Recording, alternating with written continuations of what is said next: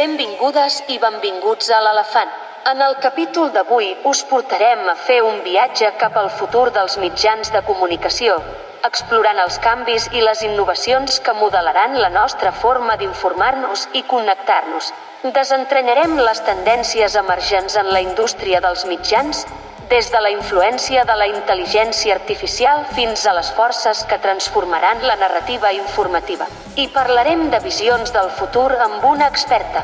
No et perdis aquest nou capítol de l'elefant que et permetrà explorar amb nosaltres el fascinant i canviant món dels mitjans i estar a l'avantguarda de la seva evolució.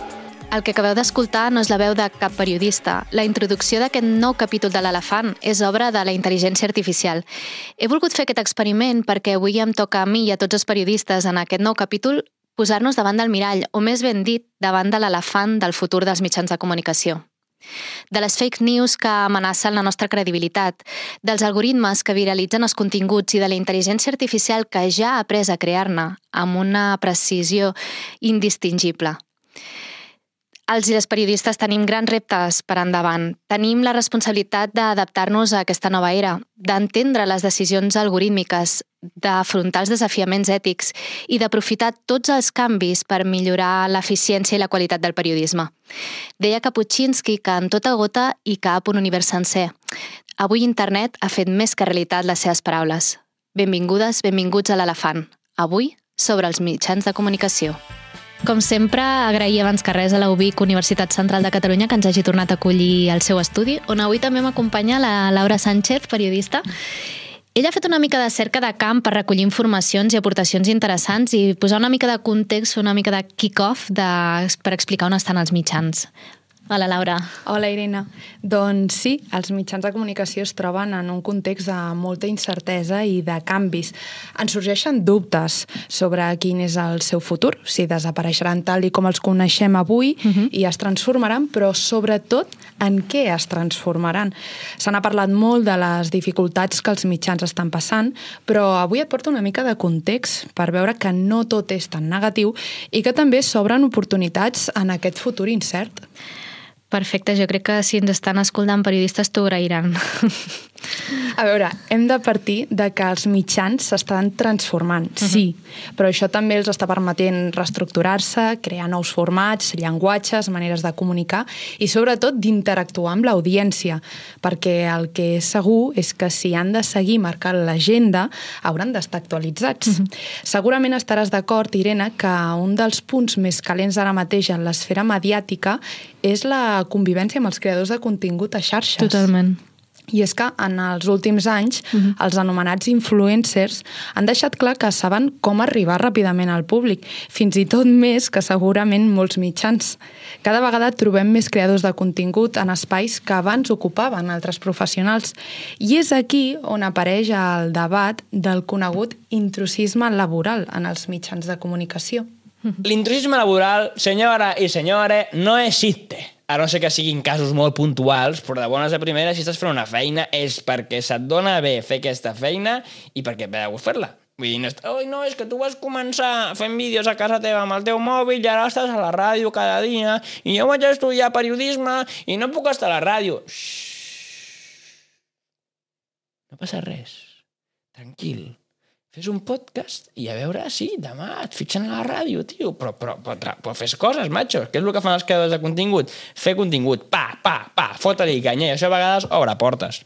Aquest que acabeu de sentir és en Joan Grivé en una entrevista amb Nació. Ell és conegut a les xarxes com Sir Joan i és un dels primers creadors de contingut en català. A poc a poc s'ha anat fent forat a l'agenda mediàtica i ara ja el podem trobar en programes com Adolescents i Cat i Adolescents i XL de Catalunya Ràdio. A ell, com a tants altres creadors de contingut, se li ha penjat l'etiqueta d'intrusista. Però, si no el teniu tan present, segur que ella sí. Jo crec que el debat sobre l'intrusisme laboral és un debat molt delicat, sobretot tenint en compte la meva posició, que és la de persona que no té la formació oficial per fer la feina que està fent. De tota manera, és veritat que jo crec que hi ha una mena de una mena de professions a, en les quals parlar d'intrusisme laboral és una mica estrany, perquè tota la vida hi ha hagut gent que s'ha dedicat al periodisme sense haver estudiat periodisme, no? I, I en les feines que són així més creatives, em pregunto si és necessari realment tenir una formació que validi amb una sèrie, una sèrie de coneixements. No ho sé, jo crec que moltes vegades es tira de perfils similars al meu Primer perquè els mitjans cometen l'error de pensar que això els hi portarà de seguida un, un públic, i moltes vegades això no passa, i a més a més moltes vegades el llenguatge que sí que funciona a internet després no, no es tradueix en èxit als mitjans. Moltes vegades gent que surt dels mitjans, ai, gent que surt d'internet no funciona als mitjans, i al revés, no passa res, són formats diferents, i pensar que és el, que és el mateix format neix de, de un, un, un, un coneixement molt pobre de la matèria que es deu bàsicament a que fa molt poc que existeix tot això. És una de les joves veus més populars ara mateix a Catalunya. La Juliana Canet és creadora de contingut i en aquests moments condueix amb en Roger Carandell i la Laura Grau el programa Que no surti d'aquí, de mm -hmm. Catalunya Ràdio. La Juliana parla del per què els joves creadors de contingut cada dia estan més presents als mitjans. I és que si anem més enllà del debat de l'intrusisme laboral, veurem que són ells qui de forma més ràpida i efectiva han experimentat, analitzat i generat els nous formats per captar les audiències. Per això, els mitjans els donem espai a les seves redaccions, per tal de reproduir aquests nous formats que ja saben que funcionen. Però funcionen pels seus canals, pels dels mitjans? I un altre dubte que ens sorgeix és realment els mitjans necessiten els creadors de contingut per generar aquests formats? La Juliana ens diu això. Jo no crec que sigui estrictament necessari que els mitjans eh, tinguin creadors de contingut eh, ni que depenguin estrictament dels seus formats. Crec que depèn molt de cada programa, que depèn molt de quina mena de mitjà, i, i, i, i sobretot penso que el, el contingut per internet, per exemple, no només l'han de crear les persones que ja tenen una repercussió a les xarxes, que ja es dediquen a això, o que són influencers o el que sigui, sinó que ho pot fer algú que senzillament treballa en aquest mitjà perquè és periodista o és escriptor o és el que sigui, no? Eh, crec que a la llarga serà una mena de llenguatge el, el, el que fan servir els, els, els creadors de contingut que faran servir també els periodistes i no caldrà que ho facin servir només les persones que, entre cometes, són influencers. Jo no crec que els mitjans estiguin envellint, crec que els mitjans estan creixent, s'estan transformant, estan trobant noves maneres d'arribar al, al públic i crec que la majoria de mitjans segueixen arribant a molt més públic que el que, que, el que arriben els influencers i sobretot eh, segueix tenint molt més, molt més prestigi. És a dir, tu és igual els seguidors que tinguis a internet que el dia que surts de TV3 tothom et celebra. És igual que portis sis anys fent eh, un vídeo cada dia amb no sé quants likes i no sé quantes visites. El que la gent segueix considerant un prestigi és sortir als mitjans tradicionals i treure aquest pes als mitjans tradicionals serà molt complicat i crec que no passarà mai, perquè jo tinc l'esperança que els mitjans seran capaços de posar-se al dia i seguir creixent com ho estan fent ara. Potser els mitjans no necessiten els creadors de contingut per parlar com ells, però el que sembla que sí que necessiten és l'habilitat de crear amb tanta rapidesa i destressa els seus formats. Així és com van néixer i s'han anat estenent els podcasts o les newsletters, productes editorials més d'autor o d'autora que es dirigeixen de forma molt directa al seu públic. Aquí també s'inclouen els nous formats que ara veiem a les xarxes socials, Reels, Explainers, i per disposat no ens hem d'oblidar del propi llenguatge que s'utilitza a les xarxes. Aquest també és un canvi de concepte i d'hàbit que els mitjans els està costant molt d'integrar.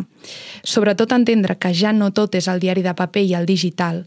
El fet d'entrar a un web i informar-se, que parlem del diari digital, ja no és el que busquen i consumeixen els lectors quan volen saber d'alguna cosa. És més, he estat buscant una mica i és que el Digital New Report de Reuters d'aquest any assenyala precisament això. Diu que el consum de notícies en els llocs webs dels mitjans ha disminuït a tot el món. Mm. Només el 22% de la població va a les webs específiques a informar-se.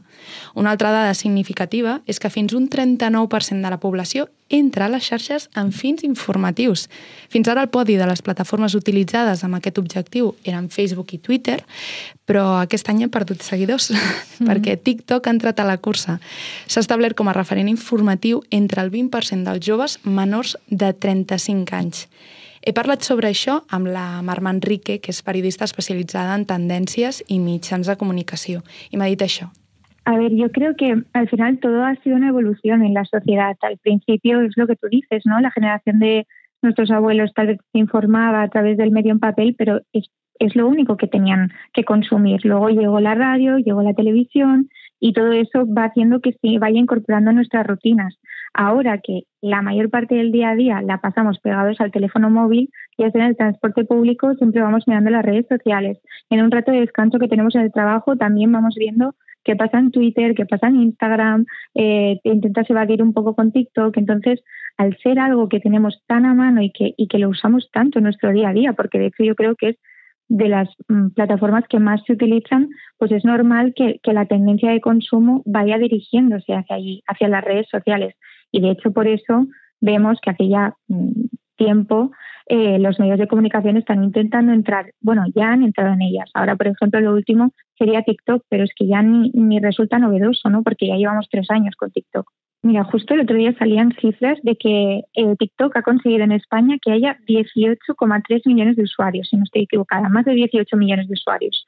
Y de esos, la mayoría también decían que no eran menores de 25, eran mayores. Claramente estamos acostumbrados, como decía, pues a contenido súper rápido, muy visual, no únicamente a la hora de consumir medios, sino, sino también nosotros a comunicarnos a través de esos formatos, ¿no? Entonces, el hecho de que las noticias, el hecho de que la información de actualidad se adapte a eso es eh, primordial. Si TikTok fuera una, una um, aplicación donde pudiéramos leer igual que podemos leer en Google, pues seguramente no tendría ese éxito, ¿no? Al final es algo nuevo y es, es lo que ahora mismo está gustando y, que la, y lo que la gente está, lo que la gente tiene en su rutina y lo que le gusta ahora consumir.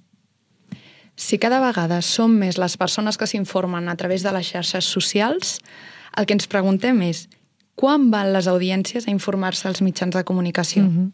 Yo creo que eh, el interés cuando la gente va a los medios es por tres motivos. Uno, por temas muy grandes, temas noticiables como guerra Rusia-Ucrania, Gaza-Israel, ¿qué está pasando? O sea, es algo que todo el mundo está enterado y, y tal vez tienes ese ese interés y esa curiosidad por tú también crear tu propia opinión, ¿no? Y poder luego hablar, porque esto al final son temas de sobremesa, temas que se están hablando y que todo el mundo comenta y que es necesario tener una opinión formada.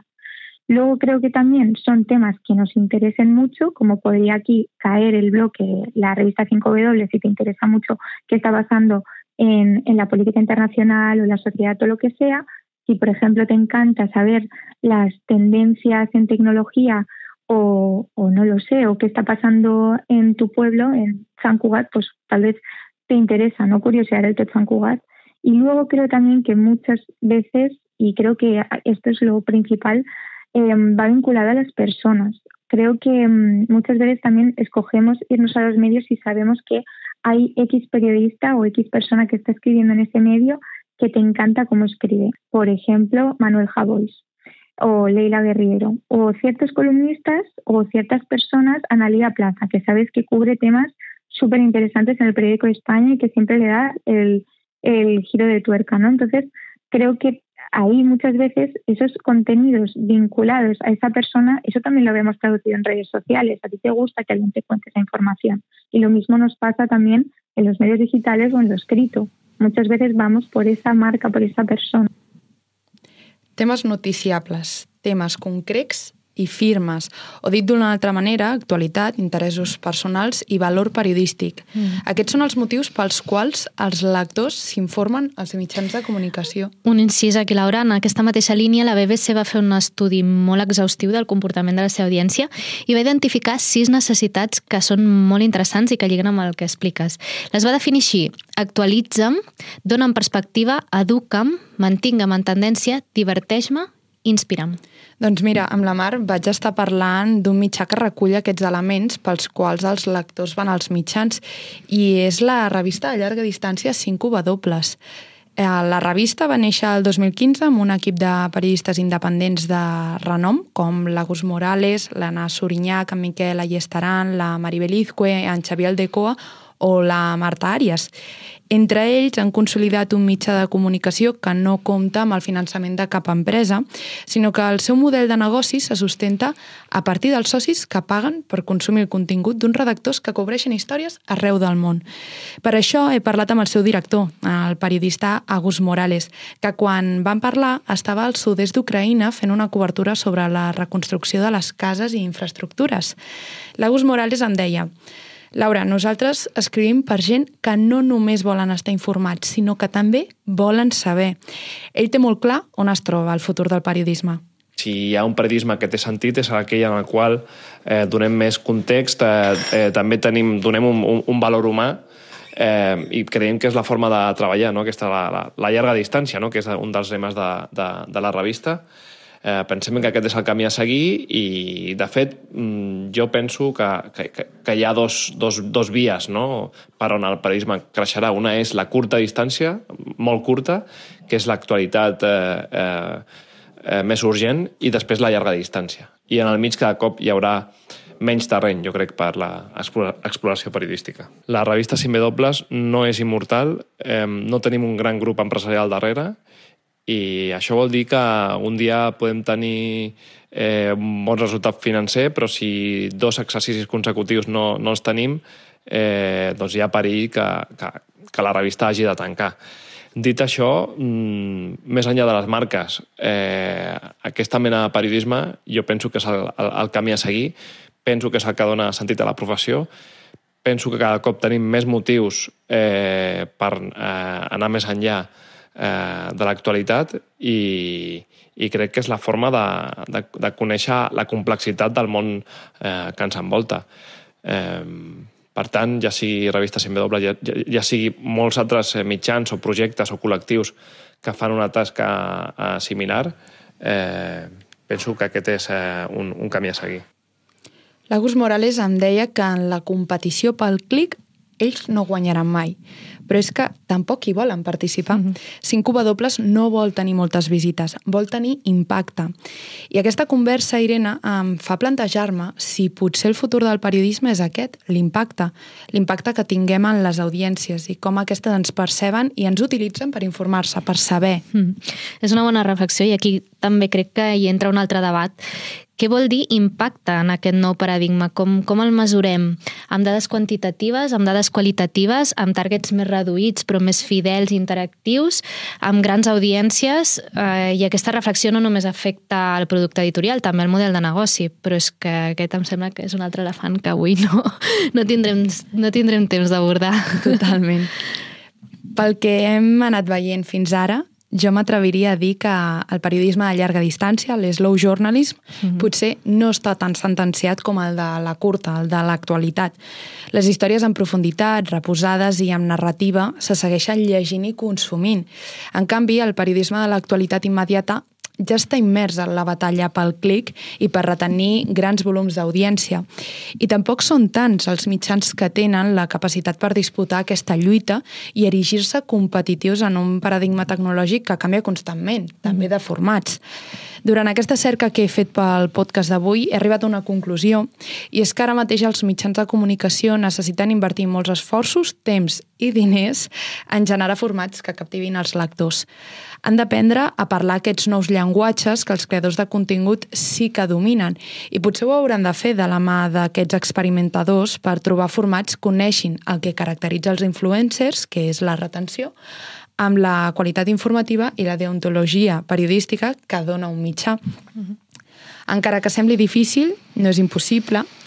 Ja hi ha mitjans que ho estan fent, com The Washington Post a TikTok, on han establert una manera d'informar a través de l'humor i utilitzant recursos audiovisuals molt interessants. Avui us he portat un vídeo que parla sobre la plaga de xinxes a París. What was that? I thought it was a mosquito. Hey, girl. Oh my god, ew. Kill it. What is it? A bed bug. Hello. We're in Paris and there are bedbugs everywhere. They're in our Airbnb, they're on the metro, they're in movie theaters. Paris's deputy mayor did say the city is having a bedbug problem. What? It's a big problem because Paris is supposed to host the Olympics in 2024. What do we do? If you see a bedbug, there could be more, especially if you have itchy red bumps all over. Okay, but what do we do? Well, the EPA says they die at 113 degrees. Do we have to like burn the city? No, uh, you can't say that. can we? This trip is my 13th reason. Trencar barreres, superar estereotips, explorar nous llenguatges... El que hem d'entendre és que els mitjans han d'actualitzar-se i tirar endavant amb nous formats i llenguatges. Al final és una mica la idea d'adaptar-se o morir. Mm -hmm. Aquest és el gran repte dels mitjans de comunicació. Moltes gràcies, Laura. A tu, Irene.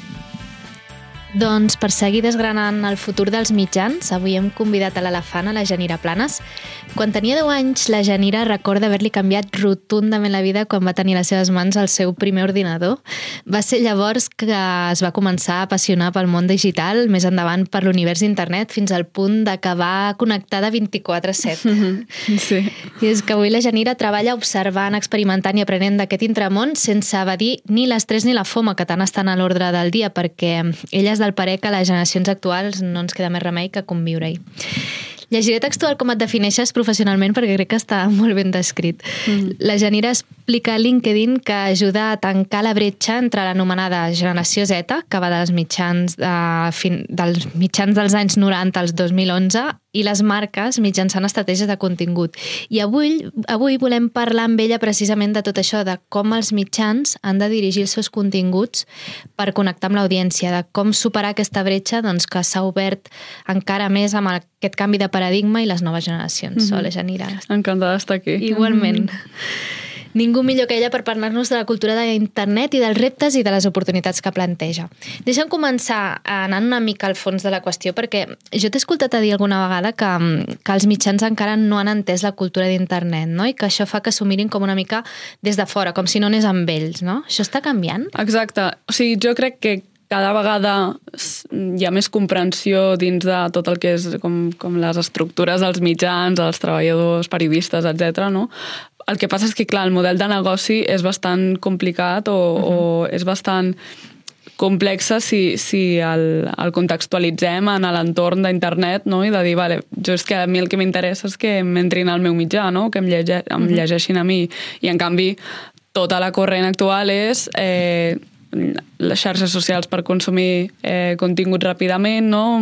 molta gent informant-se, doncs, ho deia la Mar, per TikTok, eh, per Twitter, per, per, o X, com li vulguem dir, no? eh, per Instagram. Llavors, clar, va una mica doncs, en contra de, de la intenció més de negoci de, de qualsevol mitjà, de dir necessito tenir usuaris que, que, que entrin, ens llegeixin, o ja, si parlem del paper, que comprin el, el, el nostre suport físic, no? Llavors, per això eh, crec que sí que hi ha molta gent i, òbviament, molts periodistes que, que ho saben com, com s'han de fer les coses, però, però costa prendre decisions dràstiques, entre cometes, no? de dir anem a canviar tota la nostra línia de continguts perquè hi ha un tema econòmic, no? Llavors, doncs s'entén que hi hagi aquesta complicació. Després, òbviament, podríem parlar de certs perfils doncs, que no acaben de veure eh, que de sobte una persona per Twitch, un streamer, et pugui donar una exclusiva i no se li doni un mitjà de comunicació, i, però crec que són paradigmes mentals una mica di diferents, no? Un és més com el de negoci econòmic i l'altre és més el, el de que sí que podríem dir com a persona boomer, no? I que per mi és una persona com que no accepta els canvis o que està una mica en contra dels canvis, no? Eh, que, que no entén doncs, que la gent canvi els hàbits de consum, no? I llavors eh, potser faria aquesta distinció realment. Mm. Una primera tendència a la qual els mitjans s'hi van agafar ràpidament no? per intentar integrar-se no? en aquest canvi de paradigma va ser la mediatesa. Durant uns mm -hmm. anys semblava que l'única manera de ser competitiu a internet era publicar els primers, ser els primers en publicar Exacte. o comunicar una cosa, no? però sembla que això està quedant com superat, no? Exacte, o sigui, sembla que realment la immediatesa tampoc no és el més important, sinó el poder aportar context interessant és el que és un valor afegit perquè tu vegis a un lloc o a l'altre, no? Mm -hmm. o sigui, sí que és veritat que doncs, segurament hi haurà gent que si veu una certa notificació o el que sigui i la veu la primera, doncs entra primer en aquest X article, no? però eh, realment la majoria de, de, de gent el que fa és consumir contingut que t'arriba doncs, per, per vies, eh, ja sigui com xarxes socials o el que sigui, llavors és com una peça que tingui més valor, no? un podcast, un article, un vídeo que, que tingui més valor segurament serà més compartit que, que un altre que, que hagi estat fet molt ràpid però que tampoc no et digui res més enllà de, mm, de, de la notícia, no? Llavors, Eh, sí que és veritat que, que a, abans era molt el tema immediatesa, molt, també potser venim de- d'un moment molt de, del clickbait, no? dels grans sí. titulars Sí. click, de clickbait i trobo que diguéssim que l'audiència potser en aquest cas no? o, o els consumidors estan una mica més educats en que un clickbait no té per què ser o sigui, inclús s'enfaden, no? Si entren a, amb un clickbait i no hi ha res del, de, Sí, sí, del sí, que sí, sí. en teoria representava que hi havia la notícia, Potser no? és perquè volen una miqueta més de profunditat, perquè Exacte. parlàvem, a veure, 5W es queda una mica fora, no?, amb aquest clickbait de Sí. tot això, però potser xarxes també es veu així. Potser el valor afegit està més en crear storytelling una mica, Sí. més que no pas buscar aquest clic ràpid, diguem-ne. Exacte, o sigui, jo crec que sembla que sí. Eh, òbviament no serà el cas de, de, de totes les eh, notícies, no? però potser inclús eh, trobo que no només el valor està en, en l'storytelling, sinó inclús trobo que estem en un punt en el que també estem anant cap a, cap a una honestedat més real no? dins del món del periodisme. O sigui, Mhm. sempre s'ha dit que o sigui, tothom que ha estudiat periodisme sap que això ja no és veritat, no? del tema de l'objectivitat dels mitjans, etc. No? Però sí que s'ha defensat no? el dir, bueno, objectiu ningú pot ser perquè ja el verb que tris o, o el que sigui ja et dona com un marc mental sí. des del que, o un marc editorial des del que està parlant el mitjà. Però sí que aquesta honestedat o inclús explicar les coses amb certa eh, amb, amb, o sigui, amb un cert to més com eh, casolà, per dir-ho així, no? et pot donar un punt de dir, m'atreu més això perquè sí. m'estan parlant amb idioma Sí, sí, real sí. que entenc, no? O, o inclús potser més més proper a, a que estic, conec el periodista que ho està explicant i m'interessa el que m'està explicant aquesta persona, no? Mhm. Llavors és com, vale, segueixo la línia de eh, X periodista perquè és periodista polític i tot el que fa, no? Doncs més o menys em manté al dia o m'interessa. Mhm. De fet, abans amb la, amb la Laura hem parlat molt eh, dels creadors de contingut perquè realment Sí. en aquests moments demostren molta més eficiència per connectar amb l'audiència. Mhm. Tu creus que els mitjans poden ser competitius en aquest entorn?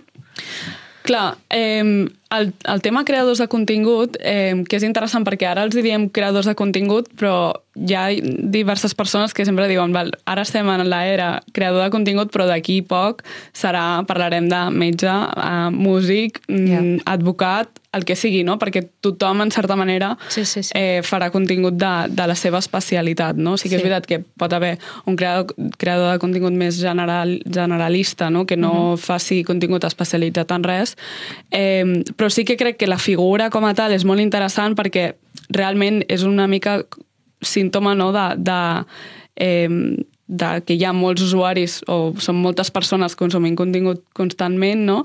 eh, i, i a cada un de nosaltres ens, ens interessa una cosa diferent, no? o, o algun tipus de, de temàtica potser més nínxol, eh, i, i aquestes persones, creadors de contingut o com els hi vulguem dir, són les que estan fent un contingut potser més específic o més, més especialitzat sobre aquest tema. Què passa? Que en un mitjà a nivell recursos, moltes Mhm. vegades no hi ha recursos per dir, vale, anem a centrar tota la nostra energia en cobrir eh, doncs, la lliga d'esports de tot el mes d'octubre, no? perquè eh, cada dia hi ha partits mm, pràcticament totes les hores del dia, no? llavors és com que necessitem una persona que estigui cobrint això 24-7, però sí que hi ha una persona, un creador de contingut, periodista, streamer, que està parlant sobre això, no? llavors és com jo com a, com a usuari barra audiència, comunitat d'aquesta persona, doncs estic seguint-lo constantment perquè m'interessa molt eh, tot el que em vagi explicant, no? I això no ho trobo en un mitjà perquè està potser més generalitzat tot el que, el que s'explica, no? Fins que una cosa no, no arriba a ser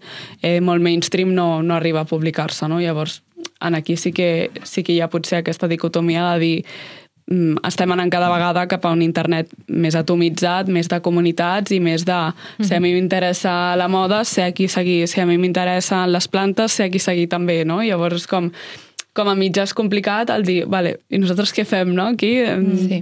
apostem per tenir marques de persones molt mm. importants eh, sobre cada un d'aquestes temàtiques i que ens les segueixin a partir de, de les nostres que nosaltres siguem com una mena de plataforma, fem contingut més generalista, com ho fem, no? Mm -hmm. I mm, amb això sí que és veritat que eh, trobo que hi ha un, un mitjà que va sortir als Estats Units fa cosa d'un any, any i mig, dos, potser, sí. eh, creat per Ben Smith i, i Justin Smith, que m'ho he apuntat això perquè Ben Smith el coneixia molt, Justin Smith no tant, eh, però bueno, bàsicament és un mitjà que es diu Semaphore eh, i, i el, el Ben Smith ve de la generació dels blogs a internet, sobretot Mhm. dos, els 2008-2009, no? que Mhm. era com l'època que començàvem blogs, encara no teníem eh, tant Instagram o, o, o Twitter es començava a tenir, no? Eh, I ell va ser en el seu moment editor de, de BuzzFeed News i, i diguéssim que han sabut fer una mica un mix bastant bo entre aquest punt de creador de contingut barra marca personal coneguda uh -huh. i aquesta part com que parlàvem abans com de la honestedat. És a dir, si tu entres a la web pots veure doncs, eh, com en el Congrés eh, la, la Nancy Pelosi està pa parlant sobre la guerra de- d'Israel i Palestina, no? Uh -huh. t'explicant la notícia com a tal en, en una base hiper de, de, dels fets, del que ha passat, uh -huh. el més objectiva possible, no? dintre de tot el que hem dit. Vale. I després hi ha el take del periodista, o sigui, l'opinió del periodista que està cobrint això. Mhm. Per exemple, la- l'última que entraves ara veus David's take, no? o sigui, l'opinió del David sobre això. I, i per què l'opinió d'ell interessa? Doncs perquè és un periodista que porta 20 anys, potser 15 o 10, cobrint eh, tot el que és la informació política especi específicament centrat en els demòcrates, no? Vale. I a lo millor sap que d'aquí, que fa 10 anys, quan el Biden, en comptes de ser eh, president, era vicepresident o s'encarregava més dels afers exteriors, doncs havia dit no sé què sobre Israel i ara, en canvi, estan canviant una mica l'opinió per, perquè hi ha uns altres interessos partidistes, no? Llavors, és com...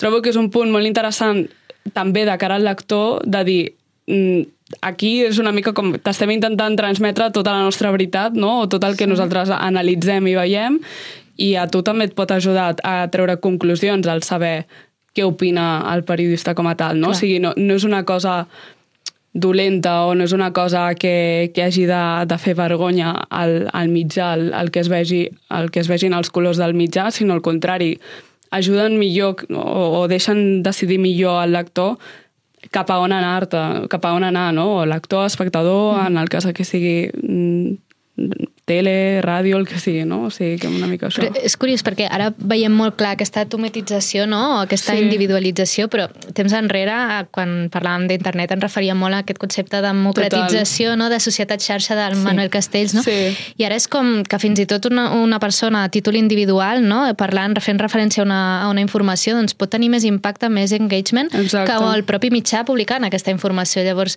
què, què, com, què, què poden fer els mitjans davant d'això, no? Clar, és una mica com... Jo també trobo que, que abans posàveu a, la, a Gus Morales, no? que Mhm, parlava per sobre el exemple, context eh, que, que pot aportar un mitjà i, i realment trobo que, que això és una de les, de les claus, no? el, el poder aportar més context i el, el també...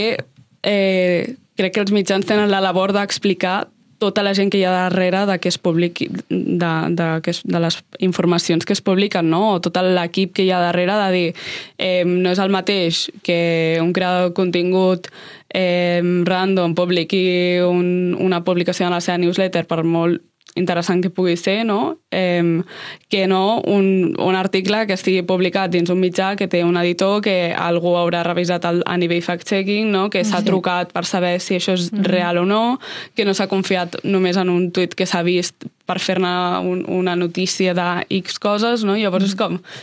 És com que el punt de, de la contextualització que no té per què voler dir un article superllarg o un vídeo superllarg sobre alguna cosa, no? sinó simplement el dir, vale, sé que si el, aquest mitjà em fa un TikTok de 30 segons sobre això, pot ser ràpid i el puc consumir ràpidament, però és, és veraç, no? O És com que en cert, certa sí. manera m'ho puc creure més, o si, i si, si pel que fos hi ha alguna confusió al, al que sigui, doncs rectificarà el mitjà o m'avisarà, no? D'això, Mhm. en canvi, el, el que és un creador de contingut, aquesta ètica o deontologia del Sí, sí, periodisme no, no no, està la té, no? no Llavors, està crec que en part és aquest context i a vegades també Sí. trobo que potser una mica un mitjà pot arribar a fer també com de curador de continguts en, Mhm. en alguns casos, no? De dir, Sí. hi ha tant de contingut que es publica constantment que filtrar-lo és molt complicat, no? I que a vegades al trobar algo que estigui bé o que, o que realment valgui la pena veure, potser sí que com a mitjà t'interessa tenir una petita secció on ho facis, no? O, o, o productes específics, no? Dins, dins Sí. de, del que ofereixes. Al final és una mica el que deia la Juliana, no? El dia que vas a TV3 tothom et celebra. Exacte, O sigui, és 100%. com que tot i que cada vegada ens estem allunyant més dels mitjans perquè es consumeix més xarxes, els mitjans segueixen, Segueixen tenint la tenint seva molta posició. rellevància. Sí, sí, total. El que passa que si parlem dels algoritmes, no? que, que alguns d'ells qualifiquen no? els seus algoritmes com meritocràtics, no? tot i que algunes plataformes ho han Mhm. assolit amb més d'èxit que d'altres, mm, premien continguts que impacten sobre l'audiència, sí, en format d'interacció, de compartició, comentaris, però en aquests algoritmes el rigor, la veracitat, això que dèiem, aquest fact-checking, quin, quin, quin pes tenen? Perquè al final eh, Clar. són els que viralitzen els continguts. Els És que aquí el, algoritmes. el que veiem realment és que no, la veracitat o el rigor o que sigui un contingut mm, positiu i saludable per, al, per l'audiència no, no existeix pràcticament. No? O sigui, està clar que hi ha persones dins de, de les plataformes, eh, o sigui, treballadores que, que aboguen per tot això, però no és l'objectiu principal ni de Meta, ni de, Mhm. ni de Twitter, ni de TikTok, perquè el seu negoci és eh, tenir quantes més ninetes posades a la pantalla i quants més minuts eh, dins la plataforma per poder vendre publicitat des, després. No? Llavors, això no fa tampoc que siguin directament dolentes les plataformes, però simplement ens ajuda a entendre no? Mhm. una mica el, el tipus de continguts que, que trobarem. Que mai trobarem tampoc un contingut o intent, les plataformes sempre intentaran que el contingut que, que trobem no sigui lo, o sigui, no ens faci, diguéssim, passar-ho malament, perquè llavors sortirem de l'aplicació, no? Llavors, per això sí que hi ha moderadors, però no són uns moderadors que es basin en la veracitat o que facin fact-checking o que eh, intentin, diguéssim, com generar debats sants i, i positius, sinó que si veuen que un contingut polaritza perquè hi ha molts comentaris i perquè eh, de sobte es comparteix molt, perquè tant gent d'una banda i de l'altra eh, o li enfada o li enamora el, el contingut, pensaran, o sigui, la- l'algoritme ho detectarà directament com una peça interessant, no? de dir, vale, això està bé de moment, a no sé que de sobte tingui molta gent que m'està denunciant aquest contingut, no? Eh, tampoc podré fer res al respecte, no? Llavors, clar, això ho hem de tenir en compte en el sentit de dir, moltes vegades els moderadors són gent contractada mm, amb serveis de tercers, no? Vull dir, amb Sí. empreses de tercers que no formen part ni de les pròpies plataformes, llavors mm, tampoc hi ha una regulació i, mol- i les plataformes moltes vegades Clar. el que diuen és ens rentem les mans, nosaltres el que volem és que qui reguli tot això siguin els polítics, no? perquè nosaltres no, a nivell de negoci no ho faran perquè no té sentit, Mhm, no? clar. Llavors, clar, I juguen amb és això. complicat.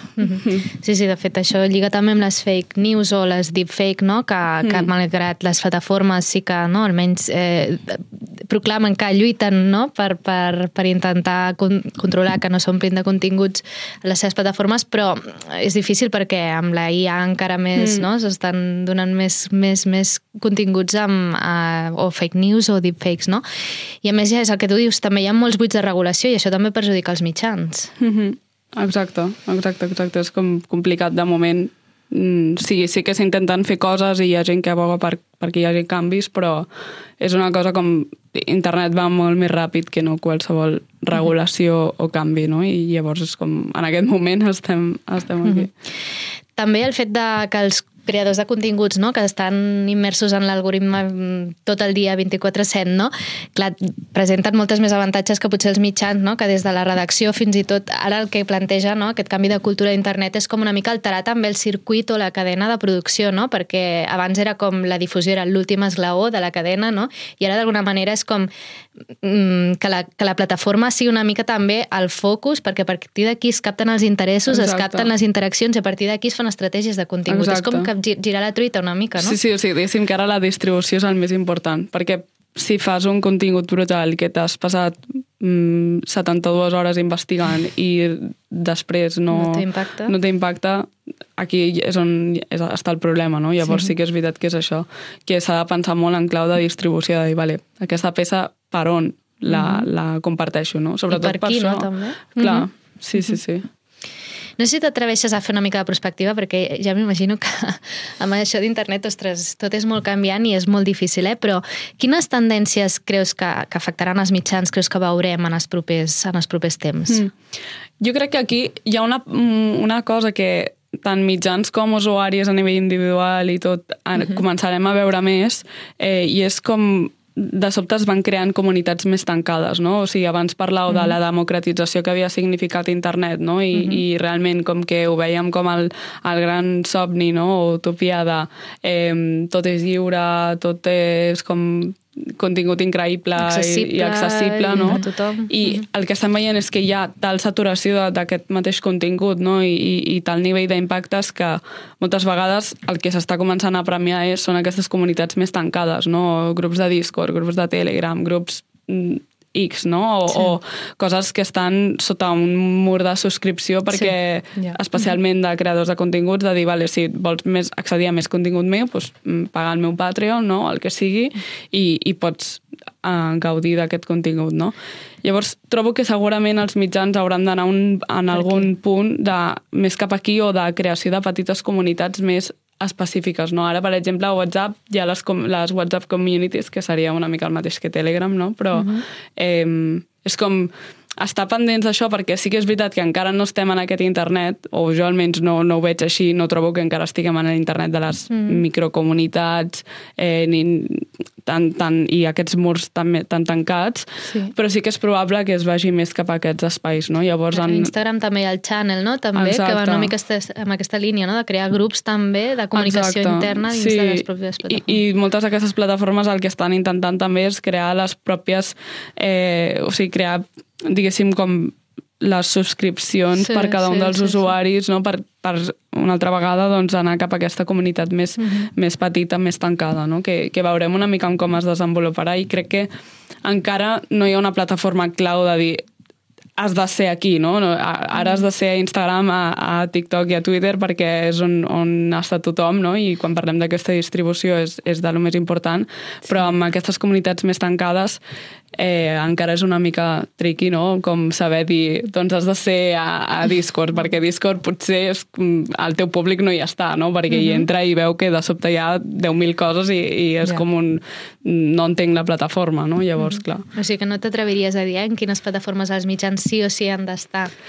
No ho sabria dir, la veritat. O sigui, jo trobo que és això, està, està molt pendent de cap a on va Cap a on van els creadors de contingut. O sigui, per mi, el, el gran exemple, inclús també, abans comentaves que treballant amb marques, no? Mhm. És dir, no, no et fixis en les altres marques com a tal, eh, sinó fixa't en què estan fent creadors de contingut del teu àmbit, no? Com, per exemple, amb, amb, jo què sé, amb tot el que era quan tots els creadors de contingut van començar a anar cap a TikTok, o com ara Mhm. molts d'ells estan publicant els mateixos vídeos de TikTok a, Reel, a, a Reels i a Shorts, no? I com una mica com dir, vale, a YouTube també, YouTube també està començant a competir amb TikTok, no? En aquest Sí. Aspecte, i és com, vale, doncs aquesta persona m'està fent aquesta estratègia de continguts, no? I en canvi te'n vas a una marca o te'n vas a un mitjà i, i, i moltes encara no, no ho han fet simplement perquè veuen que la competència no ho ha començat a fer tampoc i llavors és com, vale, doncs de moment n'estic així o no m'arri- tranquils. no m'arri- Mhm, no m'arrisco, no? ja. Però realment és això, trobo que, que el creador contingut, de contingut a nivell individual, salvant les distàncies de totes les coses, ens pot ajudar com també a dir, vale, sessió d'inspiració, no? Què està fent aquesta persona? I això ho, ho podem aplicar o no? Mhm. I, I trobo que és això, veure cap on estan anant eh, ells. I si és, és de dir tres qualitats que han de tenir els mitjans o els periodistes eh, en, el, en el futur, un potser ja l'has Mm. dit, no? que és aquest, tenir La- capacitat de, de, de, de saber llegir una mica per on estan anant les tendències, no? Sí, o sigui, jo crec que seria segurament com aquesta contextualització Mhm. realment com a molt important perquè cada vegada ho serà més, sobretot com amb, amb internet que a vegades no sabem d'on ve el què, no? Vale. Eh, segurament un altre per mi pota molt important seria la curació, és a dir, eh, Mhm. que, que, o sigui, és una traducció directa de, de Sí, sí, curation d'anglès, però no sé Sí, si sí. hi hauria una paraula millor, però per mi és curació. Curació, curació. Sembla que quan parlem de curació sí, estàs De curant curar, una ferida, però no? cuidar, cuidar. Sí, sí, tenir cura. Aquesta curació. I després per mi, no sé si diria honestedat o autenticitat, tot i que sigui una paraula que està hiperutilitzada i jo la utilitzo mm. moltíssim, massa, no? Com a, el fet de dir que, que hi hagi un cert punt de transparència de dir jo opino això, jo penso això, no? O jo... Sí. No sé, com que hi hagi aquesta part més de dir qui està escrivint això, qui està fent aquest contingut és un equip humà, no? O sigui, i, i també inclús per diferenciar-nos de- de- d'una intel·ligència artificial encara més, no? De dir, Sí. mm, el meu punt d'opinió és aquest, però perquè Sí. vull que sàpigues que que aquests són també els meus biaixos, no?, des dels que jo parlo, i llavors una mica com que... I el valor que això ens dona, no?, com a periodistes. Exacte. Llavors, no sé, jo crec que serien aquests tres, tant com a nivell individual de persona com a nivell de, de mitjà. Moltes gràcies, Janira, per aquesta estona de conversa. És un gran repte entendre i Mm. integrar-se en aquest, en és, aquest món virtual. Tu, tu dius que és ja inseparable de les nostres altres facetes vitals, mm. però jo això hi veig un punt de risc, eh, també, no? Ja, sí, la veritat és que sí, no sé, és una mica... És, és el que hi ha, no?, realment. Jo almenys no, no, no sé com entendre la vida sense aquest, aquesta, eh, diguéssim, capa digital, no? I trobo mm. que molta gent tampoc, i, i és no sé, és aprofitar-ho per, perquè ens faci la vida més fàcil i millor, no, al no, final, això, també. Això total, el que passa que tot just l'estem descobrint, no? I és com molt... no sí, sé... exacte. Haurem d'aprendre a, a deixar d'utilitzar el que no serveixi, no? el que no funcioni, el que aporti més toxicitat que no, que no Sí, res i, sí, i sí, aprofitar-nos del que millori que la sí. nostra vida. Total. Moltes gràcies, Janira, de veritat. I gràcies també a la UBIC, Universitat Central de Catalunya, per acollir-nos al seu estudi i a tots i totes vosaltres per acompanyar-nos un dia més a l'Elefant. Ens retrobem aviat. Una abraçada.